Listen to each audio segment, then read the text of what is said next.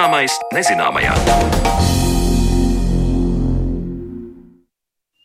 Esiet sveicināti raidījuma zināmais nezināmie un Sandra Kropa turpmāko stundu kopā ar jums. Šodien mēs pievērsīsimies divām plašām lietām. Raidījuma otrajā daļā parunāsim par vēja enerģiju un to, kā tehnoloģijas mainās, lai to padarītu arvien ekonomiski izdevīgāku un arī vidē draudzīgāku, bet pirms tam pievērsīsimies kādam ar automašīnām un to vēsturi saistītiem jautājumiem. Tāpat kā daudzi citi Latvijas muzeji, arī Rīgas motoru muzejs sākoties koronavīrus pandēmijai savas durvis vērt ciet. Tomēr nu jau labu laiku muzejs atkal darbojas un interesantiem ir iespēja apskatīt izstādi garāža. Tajā var iepazīt privāto kolekciju interesantus automobīļus, kas noteikti nav masu produkcija, un katrs auto izceļas ar savu īpašo stāstu. Piemēram, senākais spēkrats Baltijā un limuzīns, ar kur braucis Kārlis Ulmans. Uz Rīgas motoru muzeja automobīļus devās pētīt Mariona Baltkalna. Nu, šī jau ir otrā izstāde garāža. Pirmā bija pirms trīs gadiem. Un šīs izstādes mērķis ir parādīt uh, interesantus automobīļus, kas ir mūsu valstī jaunieguvumi. Pamatā tie ir privāto kolekciju automobīļi. Šajā izstādē ir arī viens motoru muzeja automobīls bet pamatā tie ir no automobīļu kolekcionāru, antīku automobīļu kluba biedru jaunieguvumu, kurus ir vērts parādīt arī plašākai auditorijai. Šie seši vai arī septiņi automobīļi, pašlaik redzam seši, jo viens ir eh, izbraucis uz laiciņu, eh, ir pat uzskatām bez mazvai par autobusu stūrakmeņiem. Un kas ir mazo sēriju automobīļi? Nu, droši vien tad ar vecāku arī sāksim. Sāksim! To sakot, CSDD Rīgas motoru muzeja speciālists zinātniski pētnieciskajā darbā Linārds Zandovskis mani aicina līdzi ekskursijā pa izstādi garāža ar tik ļoti atšķirīgajiem automobīļiem, un mūsu pirmā pietura ir pie britu ražotāja mašīnas Star 3,5 HP jeb zirgspēki. Vecākais automobīlis šajā izstādē, vecākais automobīlis Latvijā, vecākais automobīlis arī visā, es domāju, Baltijas reģionā. Un automobīlis ir īpašs ar ko? Pirmkārt, ar to, ka, ka tas teicām, ir vecākais. vecākais. Otrkārt, arī to, ka šis automobīlis ir uh, saglabāts. Viņš nav arī pārdzīvojis uh, restaurācijas, kas reizēm ir uh, vienam otram spēkam bijušas vairāk postošas nekā atjaunojošas. Vienīgais, kas viņam ir mainīts, tas ir ādas apsējums sēdekļiem. Pārējais viss ir koks, pamatā visi koka detaļas virsbūvē. Ar viņām nekas šo vairāk kā simts gadu laikā nekas nav īpaši darīts. Par automobīļa vēsturi mazliet. Pasaulē pirmais rūpnieciski ražotais automobīlis ir Benz Velo, ko Karls Benz sāk ražot 1894. gadā un ražo līdz 1901. gadam, saražojot 1200 automobīļus. Un arī šī automobīļa ražošanas licence aiziet citu autoražotāju rokās. Un viens no tiem ir arī šis britu stārs, kurš arī šo Benz velo zem nosaukuma stāra 3,5 zirgspēki ražo no 1899. līdz tam pašam 1901. gadam, tāpat kā Benz Velo, un arī ir šajā pašā saimē šis modelis, kas ir e, pirmais pasaulē sēriju veidā ražotais modelis. Manu uzmanību pievērš melna svira mašīnas salonā, ko mēs ar Linārdu Zandovski kopīgi iesaucam par gaļas mašīnu, bet tā patiesībā ir mašīnas stūre. Savukārt motors ir mašīnas aizmugurē. Šeit var e, reāli iesaisties e, nu, četri cilvēki. Divi priekšā, divi ar muguru pa priekšu ātrums 14,5 km/h. Nu, tam laikam tas ir, viņš konkurē ar zirgu. Tā ka viņš zirgam var blakus braukt un pat pabraukt viņam garām, tam Londonas kebam. Bet iedarbināšana notiek iegriežot sparatu. Vajadzēja šo sparatu iegriezt un cīnīties, kamēr šis auto sāk darboties. Jo arī visa šī karburācijas sistēma ir diezgan primitīva un atrast to pareizo momentu, kā iegriezt, arī nemaz nebija tik viegli. Tā kā iegriežam šo ratu, un tad varam sēsties pie stūres.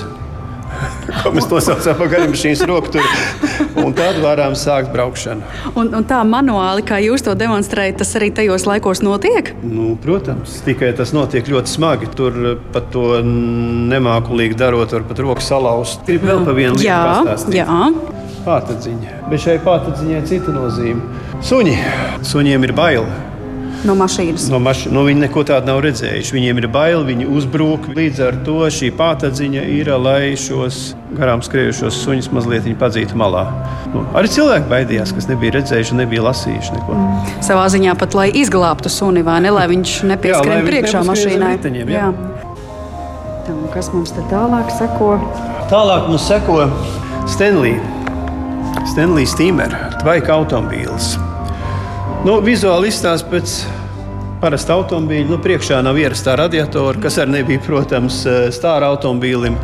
Bet eh, šis automobilis nedarbojas ar iekšdedzes motoru. Šis automobilis brauc ar ūdenstvaiku palīdzību. Tāpat tās kā mums visiem zināmās, kuras arī vairs nav redzamas, tvaika lokomotīvas, kuras pēdējais tvaika transports, kas vēl noturējās uz dzelzceļa sliedēm gan līdz 70. gadiem pagājušā gadsimta. Un tad sanāk, ka 20. gadsimta sākumā ir jau mašīnas gan ar motoru. Gan, gan vēl ar, gan ar iekšzemes motoru, kas mm. darbojas uz benzīna, jeb toreizējo vēl ligroīnu, šo, šo tiešās deslācijas benzīnu. Un arī it, it īpaši Amerikā, arī Lielbritānijā, kas brauc ar ūdens tvaika palīdzību.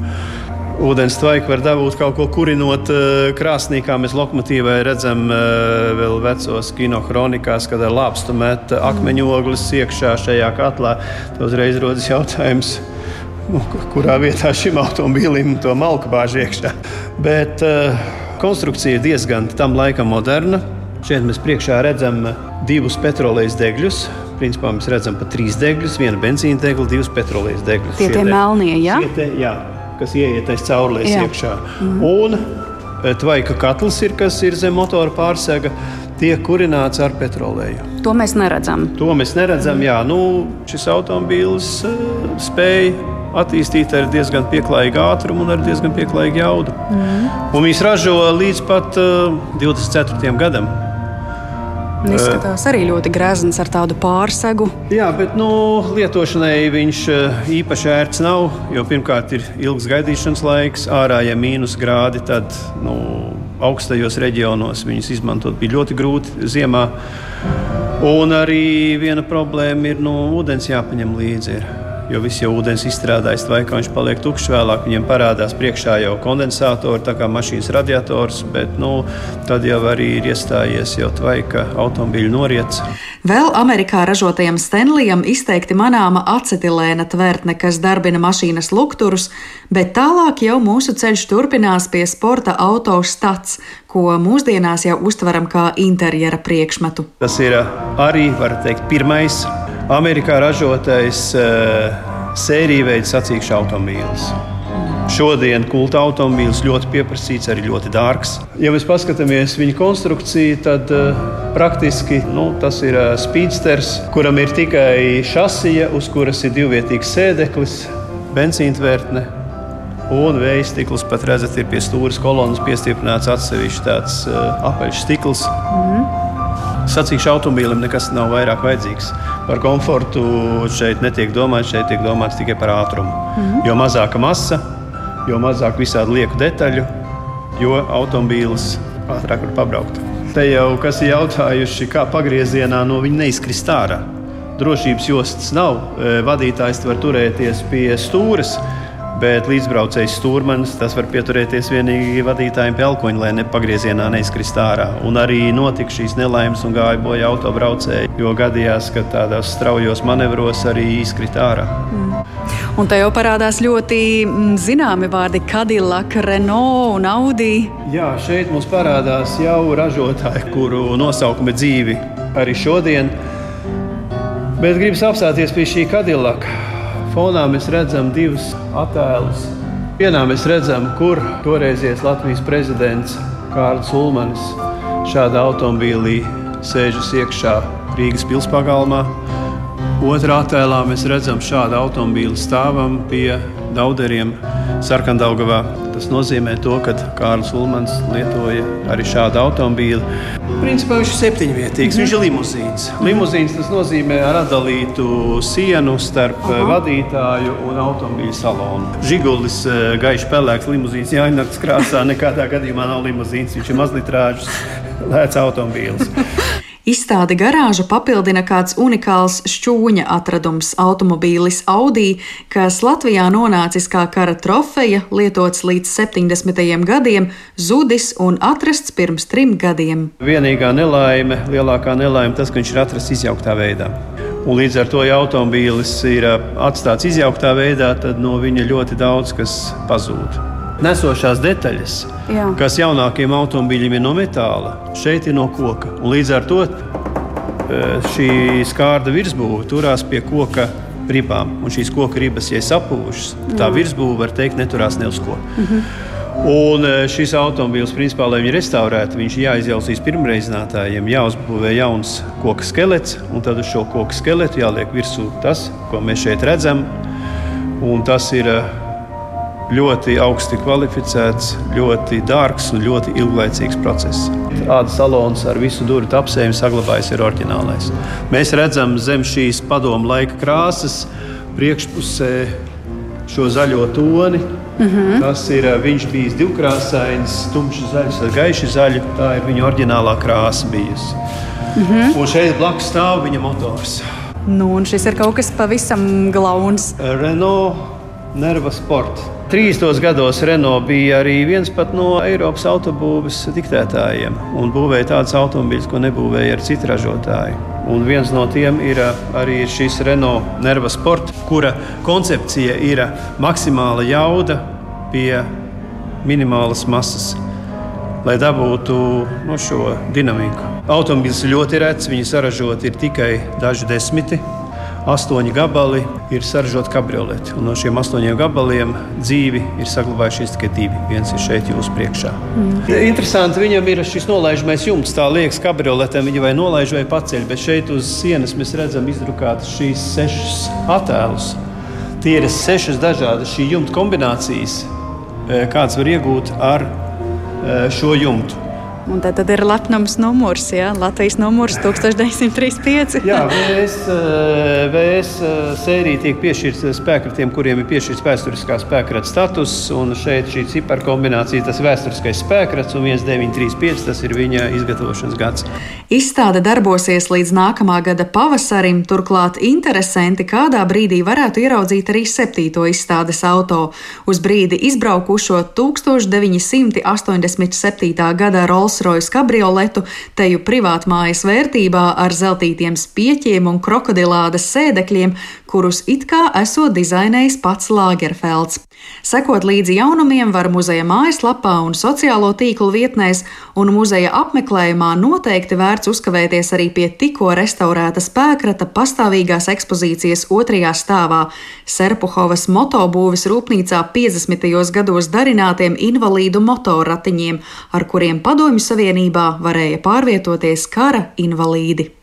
Par izstādi garāžu un tās automobīļu stāstiem interesējās mana kolēģa Mariona Baltkalne, un tur viņa satika CSDD Rīgas motormuzeja speciālistu zinātniski pētnieciskajā darbā Linārdu Zandovski.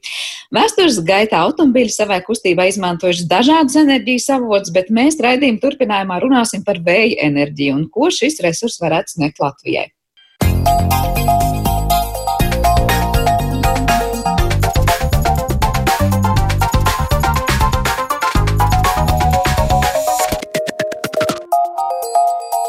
Zināmais nezināmajā.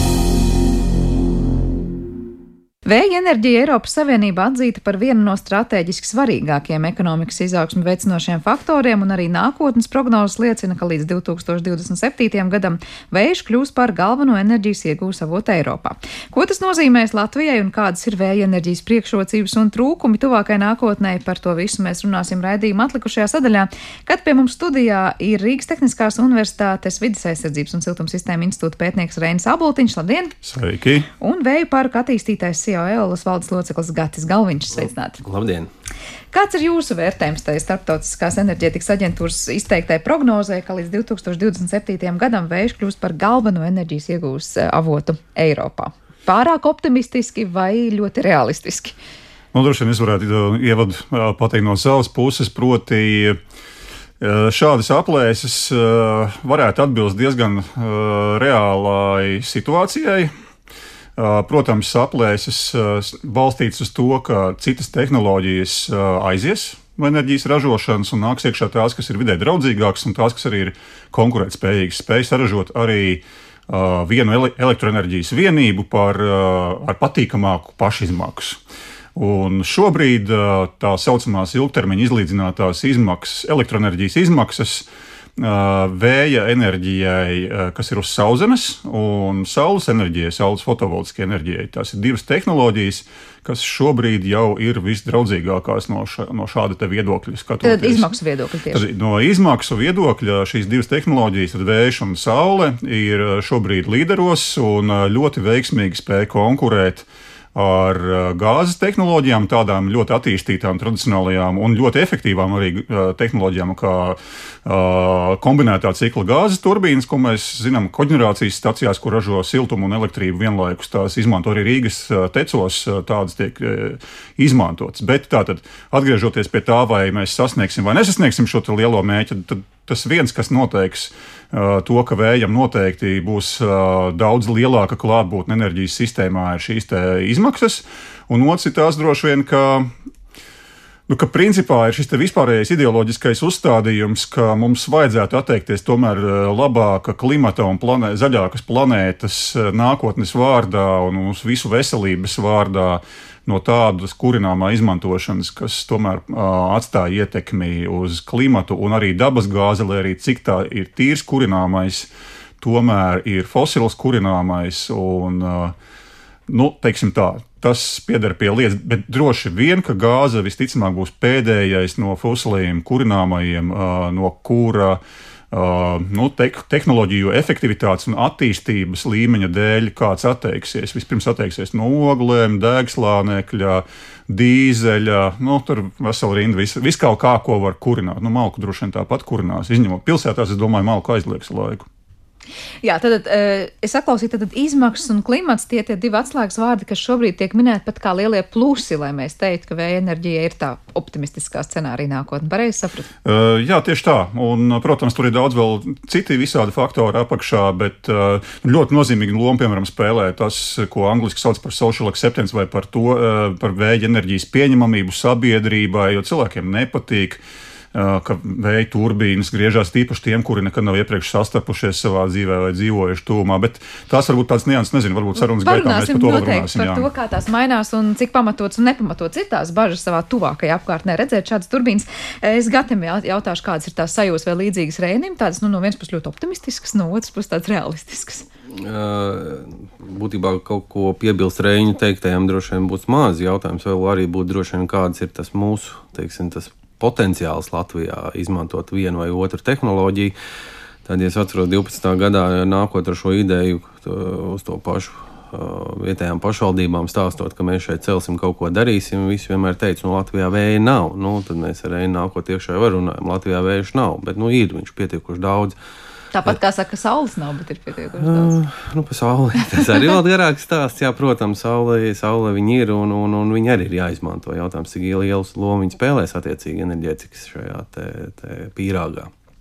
Bet uh, es, es jau vairāk pētot attiecīgo nozaru tieši saistībā ar vēju, nu, tas gribētu salīdzināt Latvijas potenciālu ar to, ka nu, simts gadus atpakaļ uh, Arābu Emirātos atrada naftu. Ja? Tad es gribētu paskatīties uz šo iespēju, ka Latvijā ir tas vējš. Jo, ja mēs skatāmies tīri geogrāfiski, tad uh, galvenie valdošie vēji Latvijā ir dienvidi, dienvidi, rietumi. Un, ja mēs skatāmies, nu, kas no kurienes tas nāk, tas ir Baltijas jūras ceļš, tā teikt, uz šo pusi, un viņi atdurās tieši Latvijā. Teiksim, kurzem ir pārbagāta ar vēju. Tā būtu ideāla vieta no geogrāfijas novietām. Nu, tā būtu vislabākā dotajā brīdī, bet es nesaku, ka arī citās Latvijas vietās nebūtu. Varbūt viņš būtu nedaudz mazāk, bet Bet viņš tāpat ir vācams. Ja, ja mēs runājam par sauli, tad saule jau ar mums nav salīdzināma ar Spāniju. Nu, mums nav tik daudz, ja ir runa par 1600 stundām. Nu, tas nav tā kā teiksim, Spānijā kaut kur 4000 stundas. Bet nu, tāpat runājam par to, ka varētu izmantot arī Latvijā. Tas, ko Reins pirms tam minēja, piesakot, ka ir izdevīgi izmaksu ziņā, ja tas ir sauszemes vēja enerģijas parks. Kā ar to jūras sauszemi vai Latvijas gadījumā Baltijas Jā. jūrā? Pilnīgi noteikti nē. Nē, tur no, tā nav kategoriska atbilde. Vienkārši runa ir atkal, mēs atgriežamies pie, tā, pie nepieciešamām investīcijām, jo uz sauszemes vēja turbīnu uzstādīt ir vienkārši vienkārši un skaidri lētāk, tāpēc, ka tas saistīts ar būvniecību, izpēti, uh, loģistiku, uzturēšanu. Tas viss jūrā, protams, pagaidām vismaz maksā nu, gandrīz divreiz dārgāk nekā uz sauszemes. Tas nozīmē, nu, protams, arī jūrā. Tur var būt dziļāk jūrā, sāļākā jūrā, mazāk sāļā jūrā, Baltijas jūrā varbūt tās uzturēšanas izmaksas būtu mazākas nekā, piemēram, Ziemeļjūrā, vai kur ir sāļāks ūdens, kur tā atmosfēras uh, un, un ūdens iedarbība uh, nav tik, uh, nu, teiksim tā, graujoša uz dažādiem materiāliem, kas ir izmantoti. Bet, jebkurā gadījumā, jūrā vienkārši tās izmaksas ir lielākas, un tas nozīmē šobrīd vēl joprojām tas nozīmē vienu. Ja uzstāda vēja parku vai vēja turbīnu uz sauszemes, tad šobrīd jau ir pie, nu, tā, pie vidējām uh, elektroenerģijas tie, tirgus cenām uh, šāda vēja turbīnas īpašnieks uh, varētu bez valsts atbalsta darbināt savu turbīnu, atpelnīt to un vēl nopelnīt mazliet naudas. Savukārt jūrā tas, diemžēl, vēl šobrīd nav iespējams. Tas nozīmē, ka, lai uzstādītu vēja parku jūrā, pirmkārt ir nu, krietni lielākas investīcijas tomēr. Uh, Un uh, otrkārt, uh, nu, tas nozīmē, ka tas atpelnīšanās laiks ir ilgs, un tad tur jāsāk domāt, ir vai izdevīgi vai nav izdevīgi to uzstādīt to vēja parku jūrā, lai gan no vēja enerģijas izmantošanas potenciāla viedokļa neapšaubāmi atkrastas vējš vai tas vējš jūrā. Ja. Uh, tas ir izdevīgāks. Es tieši biju jautājis, tur arī tas sociālais aspekts. Varbūt cilvēki pateikt, nu tad viņiem nebūtu tik daudz iebildumu, vai manas mājas tūmā būs, nebūs tas vēja parks. Ja tas ir dziļi jūrā, kuru neredz, nedzird, Jā. tad. Uh, Šīs lietas ir, eh, protams, pētītas, un eh, arī tā, ir tāda lieta kā Science Direct, ko tie, kuri nodarbojušies ar, ar izpēti un pētniecību, nopietni pazīst šo datu bāzi, kurā tiek publicēti visi pētījumi eh, nu, par visdažādākajām jomām, tā skaitā enerģētiku. Un, pirms gada, kad es sadarbībā ar biedrību Zaļā brīvība gatavoju analīzi un izpēti par vēja enerģijas, enerģiju Latvijā tieši uz sauszemes šķēršļiem un iespējām un potenciālu, tad es šo to papētīju, tā skaitā arī mazliet atkrastas vēju. Un te, te viena no tiem galvenajiem iemesliem, kādēļ, uh, nu, teiksim tā, kādēļ iebilst uz sauszemes, ir tas, ka pirmkārt redzi, otrkārt. Uh, mirgošana, kas ir objektīva, ja spīd saule un teiksim, tā ēna krīt virsū uz logiem vai vēl kaut kur tur mirgo visu laiku. Un pārējās lietas varbūt ir mazāk fiziski jūtamas, bet tāpat, ja tiešā tūmā stiprā vējā var kaut kāda minimāla vibrācija būt, uh, infras, infraskaņa, ultraskaņa, nu, tur teiksim kaut kādas tādas lietas. Tad jūrā, protams, tas viss nav. Jūrā tas ir visticamāk kaut kur aiz horizonta, ja kad 20 km no krasta, bez binokļa, bez tālskata, stāvot pie ūdens līnijas, tu neredzēsi to neapbruņot aci. Un tādā ziņā tā ir tā priekšrocība. No otras puses, protams, ka jūrā notiek daudz citas ekonomiskas aktivitātes. Zvejniecība, kuģniecība, uh, Tur arī tāpat ir vidas faktori jāņem vērā, tur ir savas ekosistēmas. Uh, nu, Tur ir aizsardzības intereses, valsts aizsardzības intereses, tur viss kaut kas arī ir. Tāpat tās rekreācijas intereses kaut vai. Tā kā nav tik vienkārši. Vienīgā atšķirība ir tā, ka tur, protams, jūrā neviens nedzīvo. Izņemot zivis un, nu, teiksim, biotopu piedzīvotājus. Kāds jums redzējums uz to, kāds ir tie plusi un mīnus meklēti? Jā, nu šeit droši vien es gribētu oponēt eh, Reinim diezgan spēcīgi, jo pirmām kārtām jau, ja mēs skatāmies to pašu skatu, kā izskatās attiecīgi veiturmīns jūrā un kā izskatās sauszemē, ja sauszemes horizonts mums plus mīnus ir, nav taisna strīpa, ja tad jūrā visticamāk ir šī taisnā strīpa. Mēs tā eksperimentu kārtā uzlikām šo ainašu stāstu, uz, ne ainašu, bet Igaunijas un Latvijas stāstu uz, uz papīra. Nu, tad ir, ir par ko padomāt, vai, vai, vai ainažos tur visi cilvēki nesāks līdās aurot, ja? nu, tā kā visur citur. Uh, un, un, jo viņas būs tiešām uzkrītošas. Un, Tas mēs runājam par sauszemi vai par jūru? Pa jūru dotajā brīdī. Savukārt sauszemē tajā pašā attālumā nu, tur īsti neko neredzi un tur ir jāsk, jāieskatās. Nu, mēs, protams, projicējam to visu saviem, savu, savu veiparu. Bet kā tas sauszemē jau kaut kur tuvāk varbūt kāds cilvēks no kaut kur skatu punkta, viņš viņu redzēs vai izjutīs? Jā, bet tad arī runājam par to dzīvo būtni. Cilvēks ir dzīvā būtne un, un, un ir daļa no dabas un, un, un tad tas jautājums, ja mēs piesaucam visu šīs infraultraskaņas, nu, kas pa lielam nav tur. Nu, viņas ir tik ne, ne vairāk kā dabā viņas ir. Un, un ja mēs zinām, ka ūdenī šis viss izplatās daudz tālāk un daudz spēcīgāk, ja pavairojās, nu, slāpējās šie trokšņa apju, um, stiprumi tad uh, gaisā tas notiek daudz straujāk. Ja, un tad būtībā pēc 400-800 metriem nu, būtībā leduskapa uh, skaļumā. Ja, un, ja mēs zinām, tad leduskapis mums mājās stāv iekšā. Un, ja man šis leduskapis jānoliek ārā pie mājas sienas, tad es teiktu, pēc 850 metriem jau nu, cilvēks neko vairs nedzirdēs, nejutīs. Savukārt jūrā droši vien, ja šī, šis troksnis rodās, Tad, ja mēs zinām, kāds ir tas izplatīšanās uh, attālums, tad šī turbīna teorētiski ietekmē uh, jūras uh, iedzīvotājus daudz, daudz drastiskāk. Bet tur jau ir tā lieta, ka tas daudz ir ļoti daudz pētīts. Un, un, un tieši šo mītu dēļ, kad, kad nu, tā daba plus mīnus viņiem ir dabiska arī. Nu, tas troksnis radās no, no spārna Eh, spānam laužot gaismu, gaisu, un, un, un tas troksnis nu, arī ir tāpat švīkoņi, ko, ko vējš, teiksim, iepūš zaros. Tāpat tās mēs redzam. Intensitāte mazliet cita un apjoms mazliet uh, cits. Nu jā, nu tad tas jautājums, nu, es dzīvoju Rīgas centrā, nu, tad man tā intensitāte kaut kādā brīdī jau, nu, nedēļas divas, nu, jau parasti pierod pie tās lietas. Nu, citi ir cilvēki, kas dzīvo dzelzceļam blakām tiešā, tiešā tūmā un mas, nakts laikā nemostās. Jā, tā kā nu, tas, tas ir cilvēku pierašanas jautājums. Mhm, nu, gads tā diezgan bargi man uh, oponēja. uzbrauca, oponēja. Uh, protams, nav, nav nepareizi tas, ko viņš saka. Īstenībā tas tā ir. Viss atkarīgs no vēja virziena. Ja vējš, protams, ir krasta virzienā, tad uh, nu, kaut kādas tās dzirdē, dzirdēs tālāk, ja no skaņas izplatīšanās viedokļa no otras puses, ja ir vējš, visticamāk, jūra šņāts un krāts. Un tad arī no tām vēja turbīnām nu, nekādu skaņu īstenībā tajā visā nedzirdēs. Dzirdēs vairāk kā tev kapucē, vējš pūš vai, vai cepures nagā vai, vai turpat tās apkārtējos kokos šalts. Tā kā tādā ziņā eh, es teiktu, ka tas nosacījums, galvenais kriterijs, kad vispār vēja turbīna griežās un kaut ko ražo, rada gan eh, šo turbīnu troksni, gan vienlaikus rada arī fona troksni lielāku visam apkārtējam. Līdz ar to tas nebūs kā absolūtā klusumā pēkšņi turbīna eh, dos kaut kādas šausmīgi skaļas, eh, skaļas skaņas. Un, un par to reliefu, protams, gata piesauktā ainava tam, kurš dzīvos tuvāk vēja turbīnai uz sauszemes, visticamāk viņš to redzēs. Viņam būs tā, arī jāpierod pie tā, ka tā ainava ir pamainījusies.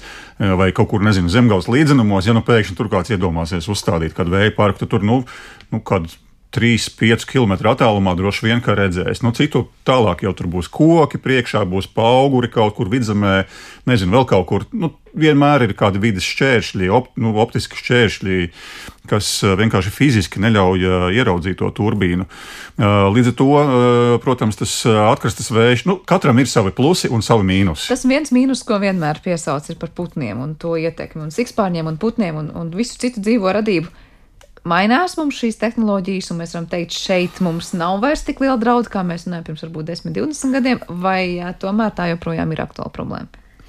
Šī problēma joprojām ir aktuāla. Ja, tad, tad mums jārunā, jārunā varbūt tieši cik vēja turbīnas ietekmē attiecīgo putnu populāciju. Loģiski, tur, kur ir šī intensīvā putnu likstošanas vieta, nu, loģiski, tur nevajadzētu būvēt neko tūmā, jo, jo kā ornitologi saka, nu, putni jau arī nav muļķi. Viņi, viņi redz un, un to šo šķērsli, un viņi, viņi no viņa izvairās. Jautājums, protams, nu, mums kā cilvēkiem vajadzētu turēties pietiekami pietiekam lielā attālumā. Un tad vienmēr runājot par putniem, arī tie paši ornitologi piesauc to pašu stāstu, ka nu, kaķi nogalina daudz vairāk savā dzīves laikā putnus. Nu, tas tad, tad, tad droši vien lielāks iegūms būs, ja mēs visus kaķus teikt, likvidēsim. Mašīnās cilvēki iet bojā, bet vai tāpēc mēs esam aizlieguši mašīnas? Negadījumi notiek, nu, no tā nekad neizbēgsim. Vai tāpēc mums ir jāapstājās savā attīstībā? Nu, visticamāk, ka nē. Bet kā mai... Jā. Jā, no zinātniskā viedokļa tie aprēķini ir gauži skarbi. Uh, iet bojā katru gadu apmēram uh, nu, mazliet zem 3 miljardiem lidoņu pasaulē. Nu, tas aplēs, protams, tas matemātiskais modelis. Un uh, 95% iet bojā no tieši citu dzīvnieku nagiem un zobiem. Nu, kaķi nogalina uh, apmēram uh, reizes četras vairāk uh, putnus nekā nogalina nekā putni iet bojā, ietriecoties ēku konstrukcijās, pārsvarā stiklotās fasādēs un logos, kas ir otrs lielākais, bet nu, četreiz mazāk nekā kaķi. Un ar mašīnām, mašīnās ietriecoties vai saskanoties ar mašīnām vēl mazāk, un ceturtā vietā ir vēja turbīnas. Ja? Ir, nē, tur ir saindēšanās dažādas, un pēc tam tikai ir dažādas ar elektrības līnijām sadursmes, izsavienojumi arī elektrolīniju, uz elektrolīnijām, un pēdējā vietā ir sadursme nu, teiksim, ar vēja turbīnu, kur ir ļoti niecīgs skaits salīdzinoši. Un starp citu, vēl nobeidzot šo nelielo iestarpinājumu, ir, es nepateikšu precīzi, kuras, kurš pētniecības institūts to bija fiksējis, bet bija jau empiriski pētījumi, jau parādījuši tendenci, ka tad, ja vēja turbīnas lāpstiņas nokrāsotu melni matētā krāsā, tad tas samazinātu par kaut kādu procentu iespējamību, ka mūsu lidoņi, kur mums visiem patīk, ietriektos. Es nevaru, diemžēl, pagaidām zinātniski atsaukties uz to, bet šādi, šādi pētījumi notiek, tā skaitā par krāsu. Es tieši gribēju prasīt, kā mainās un kā tiek veikta kaut kāda pētījuma, kā uzlabot, pamainīt pašas turbīnas lāpstīnas krāsu, un tikko reņģi piesaukt vēl ko citu. Šis pats arī bija izskanēja pavisam nesen, ja nemaldos, pagājušajā nedēļā vai aizpagājušajā nedēļā jau, jau ka ir līdz 65%, ja nemaldos, samazina šo risku sadurties. Ja? ar, ar, ar vēja turbīni attiecīgi putnam. Nu, tad, kā jau mēs redzam, zinātnē iet uz priekšu un šos, šos kaitējumus dabai padara arvien mazāk un mazāk. Bet nu, kādas ir tās tendences? Vai mainām krāsu, vai mainām augstumu, vai mainām platumu? Vai uh, nu, tas jau kas, kas kur mainās. Ja, ja dotajā brīdī spārna krāsa ietekmē attiecīgi putna reakciju, tad augstums jau neiet tāpēc, ka gribam būt augstāk un, un tālāk redzam, bet tāpēc, ka tur ir vairāk vēju un tāpēc šo vēju vairāk var un efektīvāk savākt. Ja? Tā kā katram, katrai šai darbībai, kas notiek industrijas attīstības virzienā, nu, ir kaut kāda iemesla dēļ. Ja? Jā, šis pēdējais bija, ja, bija pierādīts, ja nemaldos, Anglijā kāds pētnieciskais institūts. Nu, nepateikšu arī precīzi. Bet kā ar to augstumu un skaņas vai trokšņu izmaiņām? Nu, uh, nu, nu, ja mēs skatāmies arī, jo augstāk turbīna, jo būtībā zemē viņi nonāk uh, klusāk viena iemesla dēļ, kad gaisa, gaisā šī, šis troksnis arī bremzējās. Viņš bremzējās diezgan strauji sākumā, jā, pēc tam viņš tur aiziet tālāk. Tā kā, kā jau es teicu, ja pēc 400 metriem no turbīnas teorētiski nu, tā salīdzinājumam liekam, kā zāles pļāvējs varētu būt, tad, ja, ja es samaldos, eh, samuldējos, ka bija tuvāk kā leduskapis bija 400 metros, jā, nu, tad, tad es vēlreiz saku, ko mēs salīdzinām. Ja veids mašīna stāv mums mājās, leduskapis stāv mājās. Bet tas nozīmē, ka būtu tendence, ka tagad, nu, tad iesim uz to, ka tām turbīnām jābūt augstākam, jo tas būs klusāks, vai tur atkal, nu, koks ar diviem galiem? Turbīnas klusuma drīzāk eh, ir, ir tas pēdējais, arī pirmspēdējais, nu, jau inovatīvais stāsts bija, kad eh, spārni bērnam aizmugurē ieliek tādus zobiņus, kas šo, šo uh, gaisa plūsmu uh, šķeļ izkliedētāk, un respektīvi tas troksnis paliek vēl mazāks. Ja, kā... ja nemaldos, tur bija sakars ar pūces spārnu imitāciju, jā, jā, ka jā, jā. ir robota maliņa, tā nav lineāri gluda ideāli, bet tāda pūkaina, nosacīta pūkaina, jā, nu cik nu pūkains var būt kompozīta materiāls. Jā. Bet nu, tikai lielākā mērogā, un līdz ar to tas klusums tiek tādā veidā panākts. Tā kā, jā, tas ir pie, pie šī zinātnieka strādā, un viņi jau strādā ne jau tāpēc, ka viņiem vienkārši nav ko darīt, bet tāpēc, ka, protams, industrija saprotot tos riskus, kādēļ ir nu, pretestība vēja enerģijai. Viņi ļoti nu, piesaista zinātniekus, inovatorus un strādā pie tādiem tehnoloģiskiem uzlabojumiem, kas palīdz šīs negatīvās potenciāli, nu, teiksim, tā, negatīvās izpausmes samazināt. Nav tā, ka tagad liekas, nu tad pagaidīsim vēl mazliet, būvēsim savus vēja parkus vēl pēc pāris gadiem, ka būs vēl labāks turbīnas, vēl klusāks turbīnas un vēl varbūt efektīvāks turbīnas. Nu, protams. ko varam zaudēt, ko varam iegūt? Tādā nē, nē, protams, katru katru dienu, ko mēs nokavējam, ir labi un slikti. Ja? No vienas puses zinātnē iet uz priekšu, bet no otras puses kaimiņi kaut kādā brīdī būs jāpanāk. Ja, un, ja mums Lietuvā dotajā brīdī ir pārpa 500, gandrīz 600 megawatu uzstādītās jaudas, tad viņi jau to dara. Ja? Un, un, un, ja būs da ļoti daudz vēja parku teiksim, šajā reģionā, tad visticamāk, ka cena arī kritīsies elektrībai kaut kādā brīdī. Tad būs šis jautājums, nu, kā mēs savējo tagad varam izdarīt. Un kā mēs savu šo mērķi varam sasniegt, teiksim, tajā pašā Eiropā un, un, un kļūt zaļākiem. Mēs varam teikt, ka mēs tā kā jau kavējam to vilcienu, kurā ielikt. Uh, nu, Latvija vispār ir bijusi diezgan gausa atjaunojamās enerģijas attīstīšanā, lai cik tas paradoxāli neizklausītos. Uh, tas, kas mums dod Latvijai to patīkamo statusu, ka mēs varam teikt, jā, ka Latvija ir Eiropas līderis zaļajā enerģijā, tā tas patiešām ir jo mums ir trīs palieli hesi. Reģionā tie ir vienīgie tādi lieli, es domāju, Baltijas jūras dienvidu, dienvidu austrumu krastā. Šeit es nerunāju par Zviedriju, piemēram, un Somiju. Kur ir nopietnāki hesi ar lielāku enerģijas uzkrājumu. Bet uh, citādi Latvijā ir gauži vāji attīstīta atjaunīga elektroenerģijas ražošana, izmantojot atjaunamās energoresursus. Un tie 80 vai nepilni 80 uzstādītie megawati vēja enerģijas ražošanas jaudas ir vienkārši nožēlojami arī pat salīdzinot ar Igauņu 340, ja nemaldos, šobrīd vai tuvu tam. Jā, tā Latvijā vienkārši neizmanto to potenciālu, ko šobrīd jau izmanto uh, lietuvieši un igauņi. Un Lietuvai, piemēram, tā pati krasta josla nav tik gara kā Latvijai. Un Lietuvā jau arī lauksaimniecība pietiekami attīstīta, un ne visur arī tās uh, turbīnas var uzstādīt, kur pagadās.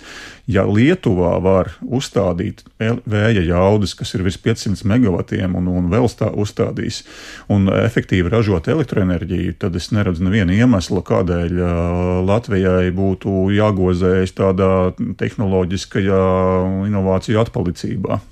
Bet kur ir tas iemesls, kāpēc Igaunijā, Lietuvā sabiedrība arī vairāk akceptē, vai tur vairāk neprasa sabiedrībai, ko viņi par to domā?